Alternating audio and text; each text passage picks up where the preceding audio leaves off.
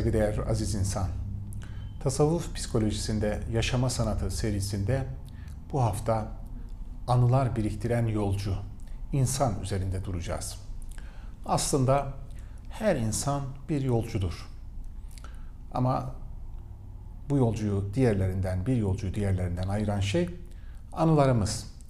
Her insanın anıları, farklı anılar biriktirenler, kimileri hüzün anıları biriktiriyor, kimileri daha sonra anılar izlendiği zaman bunu mutlulukla karşılayacak. Kimileri de bu anıları izlediği zaman hüzünle karşılayacak. Her insanın bir yolcu olduğunu e, inancı ne olursa olsun aslında bu yolculuk değişmiyor. Yani bütün insanlık aynı geminin içerisinde bir gezegende yolculuk yapan, bir uzay gemisinin içinde yolculuk yapan fertleriz her birimiz. Kur'an bunu e, İnsan suresinin ilk ayetinde şöyle ifade eder. Ya eyyuhel insan, ey insan, şüphesiz ki sen inneke kadihun ila rabbike kedhen femulaqih. Ayetin sonunu özellikle orijinal metniyle okudum. Çünkü ayetin son kısmı da Fransızca'da onomatope denilen sözle, lafızla mana arasındaki irtibatı gösteren bir söz sanatı vardır. Kur'an bunu sıklıkla kullanır bu sanatı. Arapçada da bunun örneklerine rastlanır. Dikkat ederseniz son kısmı mülagih diye uzatılabilir. Bu insanın yolculuk serüveninin böyle sürüp giden bir süreç olduğunu ifade eder. Mesela Kur'an-ı Kerim'deki bu sanatın diğer örneklerinden bir tanesi mesela kuyu ifadesi. Cübb sanki Hz. Yusuf'un kuyuya atılışı anlatılırken kuyuya düşmüş olan bir taş sesini duyarsınız. Lafız ile mana arasında böyle irtibatlar kurar. Ayetin başlangıcı mümin demez, e, herhangi bir dini inanışla sınırlandırmaz, insan tabirini kullanır. Bu da bütün insan ırkının aslında, bütün insan cinsinin bir yolcu olduğunu, her yolcunun kaderinin de çünkü yolculuk yapan insanların ortak bir e, gemide yolculuk yapan insanların kaderleri de ister istemez ortaktır. Ayet bize şunu söyler. Ey insan şüphesiz ki sen Rabbine doğru varan bir yol üzerinde, eninde sonunda Rabbine doğru giden bir yol üzerinde emekleyip durmaktasın. Buradaki Rab kelimesi üzerinde izninizle kısaca durmak istiyorum. Çünkü Rab bir müddet sonra sadece hani belirli inanıştaki olan insanların zihnindeki tanrı tasavvuru diye e, yorumlanmaya başlamıştır. Rab e, kısaca Türkçemizde de çokça kullanılan bir kavramla ifade edelim. Kökeni itibariyle aynı kökten gelen akraba bir kelimedir. Terbiye ile aynı kökten geliyor.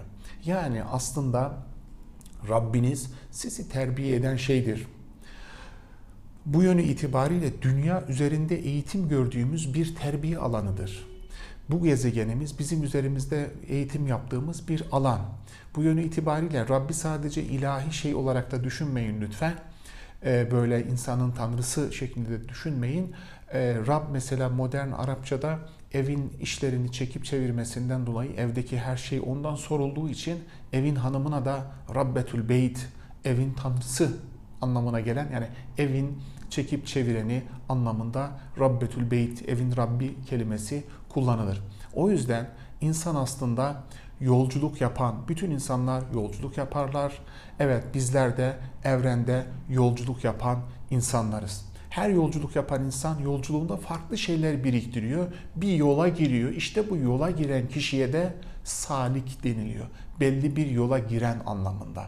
Türkçe'de kullandığımız meslek kelimesi de bu kökten gelmektedir. Meslek küçükken diyelim ki kuyumculukla ilgili bir alana başlamışsınız. O meslekte ilerliyorsunuz. Müzisyensiniz. O mesleğe girmişsiniz. Meslek bu anlamda sülük edilen, girilen yer demek. Bu anlamı itibariyle farkında olsun ya da olmasın her insan aslında bu üzerindeki uzay gemisinde yolculuk yapan bir saliktir, bir yolcudur. Ancak zamanla şöyle bir şey oluyor. Her meslekte olduğu gibi bir meslek körlüğünden bahsedebiliriz. Bilim tarihine bakın. Her bilim alanındaki e, değişimi, her bilim alanındaki yeniliği o mesleğin e, biraz dışına çıkabilen hatta dönemindeki kendi meslektaşları tarafından mesleğe ihanet etti ithamına maruz kalan kişiler tarafından yapılmıştır. Söz gelimi hem bilinçaltından bahseden, bilinçaltını e, insanlık literatürüne sokan Freud, dönemindeki tabipler cemiyeti tarafından bu senin yaptığının tıpla alakası yok deyilerek kendisi e, doktorluktan, o e, cemiyetin üyeliğinden ihraç edilmiştir. O yüzden bilim tarihindeki gelişmeler hep bu körlükten çıkanlar tarafından yapılır. Çünkü körlük neden doğuyor? Bir konuya sürekli aynı noktadan bakarsanız, hani Einstein'ın bir e, tarifi vardır. Hepiniz duymuşsunuzdur bunu. Aptal kime derler diye soruyorlar bir gün. Aptal hep aynı şeyleri yapıp farklı sonuçlar bekleyen insanlara denir diye bir tarif getiriyor. Bu bizde özellikle meslekteki meslek körlüğünde çokça sıklıkla karşımıza çıkan bir şey. Hep aynı şekilde konuya baktığınız zaman aynı girdiler, aynı girdiler bir süre sonra aynı sonuçları üretiyorlar. O yüzden meslek körlüğünü yenmek insanın bir yönüyle bu yolculukta farklı anılar eğer anılarınızdan mutlu değilseniz anılarınızı değiştirmek istiyorsanız kendi girmiş olduğunuz, sülük etmiş olduğunuz yolda bir farklılık yapmak durumundasınız. Çünkü hep aynı yoldan giderseniz hep aynı şeyler göreceksiniz demektir. O yönü bu, bu yönüyle aslında insan evren kitabı içinde bütün evreni bir büyük kitap şeklinde düşünün ki Kur'an-ı Kerim kainatın tamamına, evrenin tamamına Allah'ın kelimelerinin yazılı olduğu bir büyük bir kitap olarak nitelendirir. Kur'an-ı Kerim'de kullanılan kitabı mübin ifadesini de bu şekliyle e, tarih boyunca açıklayan müfessirlerde olmuştur. Hatta ayet-i kerimede şu ifade vardır. Yeryüzünde var olan her şey Allah'ın, bütün varlıklar Allah'ın kelimesidir. Dağlar, e, ağaçlar kalem olsa, e, denizler mürekkep olsa, ilahi kelimeleri yazmaya kalkışsalar tükenir. Yeni, yenisini getirseniz yine onlar da tükenir ifadesi de ayet-i kerimede geçer. Bu kelimat, ilahi kelimeler özellikle İbn Arabi düşüncesinde çokça ayrıntılı üzerinde durulan kavramlardan birisi. Şimdi büyük bir kitap düşünelim. Fakat kitap deyince bizim aklımıza tabii hemen üzerine yazılan böyle kara kaplı filan kitaplar geliyor. Ciltli vesaire kitaplar geliyor. Biraz bu konuda zihnimizi yine açmamız gerekiyor. Mesela günümüzde birçok insanın kullandığı sosyal medya uygulamalarından birisi olan Facebook'u düşünün. Hani düz çevirisini yaparsanız Facebook Facebook dediğimiz şey aslında düz çevirisinde yüz kitabı denilen bir şey. Yani burada insanların aslında bir yönüyle dijital kitabınız var. Her insan evren kitabını da şöyle düşünebilirsiniz. Nasıl ki kitaba mürekkep vesaire lazım olduğu gibi evrenin dijital kitabı da aslında enerjiden, nefesten yazılan bir kitap düşünün. Yani doğa canlı bir organizma, insanların, varlıkların, bütün canlıların enerjileri bu kitabı yazılıyor. Bazı bozulmalar, silinmeler oluyor, tekrar yazılmalar oluyor. Kur'an-ı Kerim'deki bir ayet bu e, üzerinde konuştuğumuz konuya çok ayrıntılı ve izah edici bir ifadeyle yaklaşır. O da şu İsra suresi 13. ayet. Ayetin orijinal metnini izninizle okuyacağım. Estağfirullah. Ve külle insanin elzemnahu ta'irahu fi unukihi. Her insanın kitabını kendi boynuna astık. Yani aslında her birimiz kendi dijital kitabımızı yaşam sürecimizde, bu yolculuk sürecimizde evreni de büyük bir recorder gibi, büyük bir kaydedici gibi düşünecek olursanız kaydetmeye başlıyoruz. Her birimizde böyle bir kaydedici var. Hem evren bizi kaydediyor, hem bizim kendi varlığımız kendimizi kaydediyor. Daha sonra bu kitabı ayet-i kerime şunu söylüyor. Ve nuhricu lehu yevmel kıyameti kitaben yelgahu menşura. Daha sonra kıyamet gününde bunu insandaki bu boynuna asılmış olan şeyi bir açık bir kitap olarak onun önüne koyacağız ve insanı bu karşılayacak. Şimdi e, günümüzde dijital olarak geldiğimiz evrede bu ayeti anlamamız biraz daha kolay. Bir bilgiyi yükleme aşaması var. Bir de onu yazıcıdan çıktısını alma aşaması var.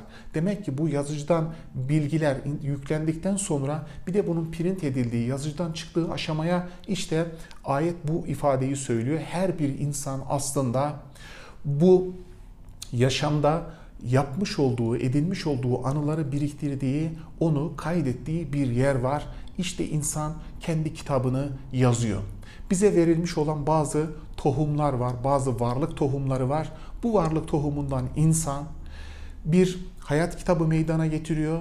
Bu hayat kitabında Kur'an-ı Kerim bir tür ağaca benzetiyor. Her bir insan varlık tohumundan meyveli ağaç yapıyor. Her bir insan muhakkak bir meyveli ağaç yapar. Fakat bazılarının meyvesinden yediği zaman o sizin boğazınızda tıkanıklığa neden oluyor. Kur'an-ı Kerim buna işte cehennemdeki ağaçlardan birisi olduğu söylenen zakkum ağacı deniliyor.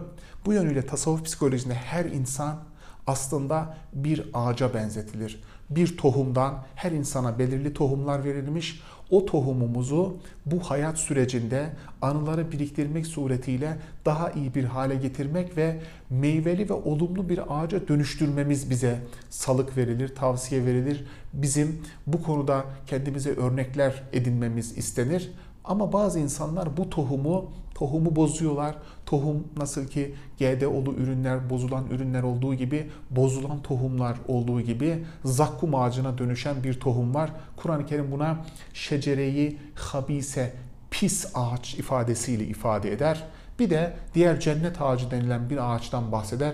Bu da tuğba ağacı denilen bir ağaç ki şimdi bunu sadece tuğba ağacı dediğimiz zaman hepimizin zihnine hemen böyle ağaç metaforu geliyor. Tuğba sözcük anlamı itibariyle de müjdeler olsun demektir. Yani bir öyle bir e, ağaç meydana getirmiştiniz ki ağaç ifadesi aynı zamanda şecere ifadesi insanın soy ağacını, soy kütüğünü de ifade eder. Öyle bir varlık ağacı meydana getirmişsiniz ki o ağaca baktığınız zaman kendinizle gurur duyuyorsunuz, onur duyuyorsunuz. O yüzden Kur'an kendi anılarını iyilikle biriktiren ve bu şekliyle iyi bir hale gelen, iyi bir ağaç haline gelen insanı nitelerken ki tasavvuf psikolojisi bu metaforu sürekli kullanır. Kökü yerde, dalları semaya ve uzaya ulaşmış olan altında diğer birçok varlığın gölgelendiği meyveli bir ağaç metaforunu kullanır. Kur'an-ı Kerim'ine buna şecere-i tayyibe ifadesini hoş, temiz, altında uygun bir iklimin olunduğu bir ağaç. Aslında cennet dediğimiz şey de böyle insanların bir araya geldiği bahçe. Hani cennet kelimesinin kelime anlamı, sözcük anlamı aynı zamanda bahçe demek. Hep böyle varlık kitabını iyi yazan insanlarla bir arada olduğunuzu düşünün. Şöyle bir şey ifade edeyim. Arapçada bir söz vardır. Şereful mekan bilmekin. Bir yerin şerefi, kadri, kıymeti orada oturanlarla, oranın sakinleriyle ölçülür. Dünyanın en güzel yerine o güzel yerde oturmayı hak etmeyen insanları getirin bir müddet sonra ora bozulur. Orada artık insanlar orada oturmaktan e, hazzetmez hale getirir. O yüzden aslında cenneti veya cehennemi içinde yaşanılabilir kılan ve yaşanamaz kılan aslında içindeki sakinleridir. İçinde böyle tümüyle güzel insanların, üretken insanların oluştuğu bir ortamda cennet haline gelecektir. Hepinize saygılar sunuyorum. Hoşçakalın.